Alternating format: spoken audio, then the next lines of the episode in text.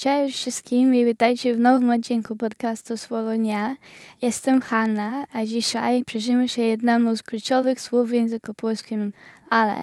Słowo ale pełne, pełne wiele istotnych ról w naszym języku.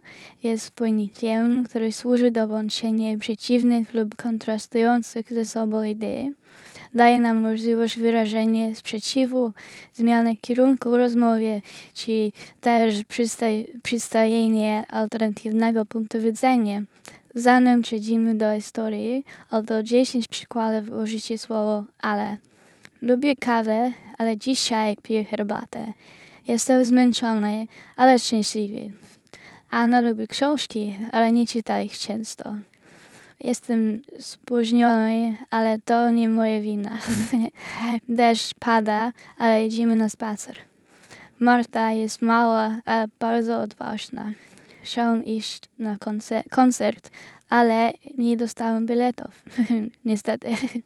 Jestem na diecie, ale raz na jakiś czas zjem coś słodkiego.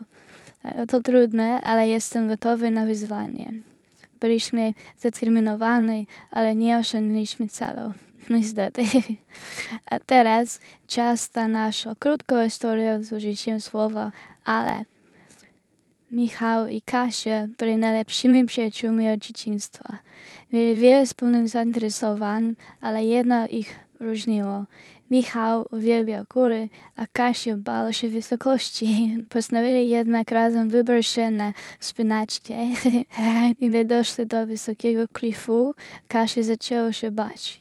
Jej serce biło szybciej, ale wiedziała, że nie chce zawieść Michała.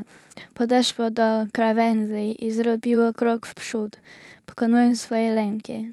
To doświadczenie zbliżyło ich jeszcze bardziej, pokazując, że miłość i przyjaźń mogą pokonywać nawet największe ale. Historia ta pokazuje, jak słowo ale może wprowadzać niespodziewane zwroty akcji w życiu i wpływać na nasze decyzje. Dziękujemy, że słuchaliście tego odcinka podcastu Słowo Dnia. Mam nadzieję, że teraz lepiej rozumiecie znaczenie słowa ale, a jak wpływa ono na naszą komunikację. Zachęcam Was do śledzenia kolejnych odcinków, w których będziemy kontynuować naszą podróż przez fascynujący świat języka polskiego. Do usłyszenia. Pa, pa.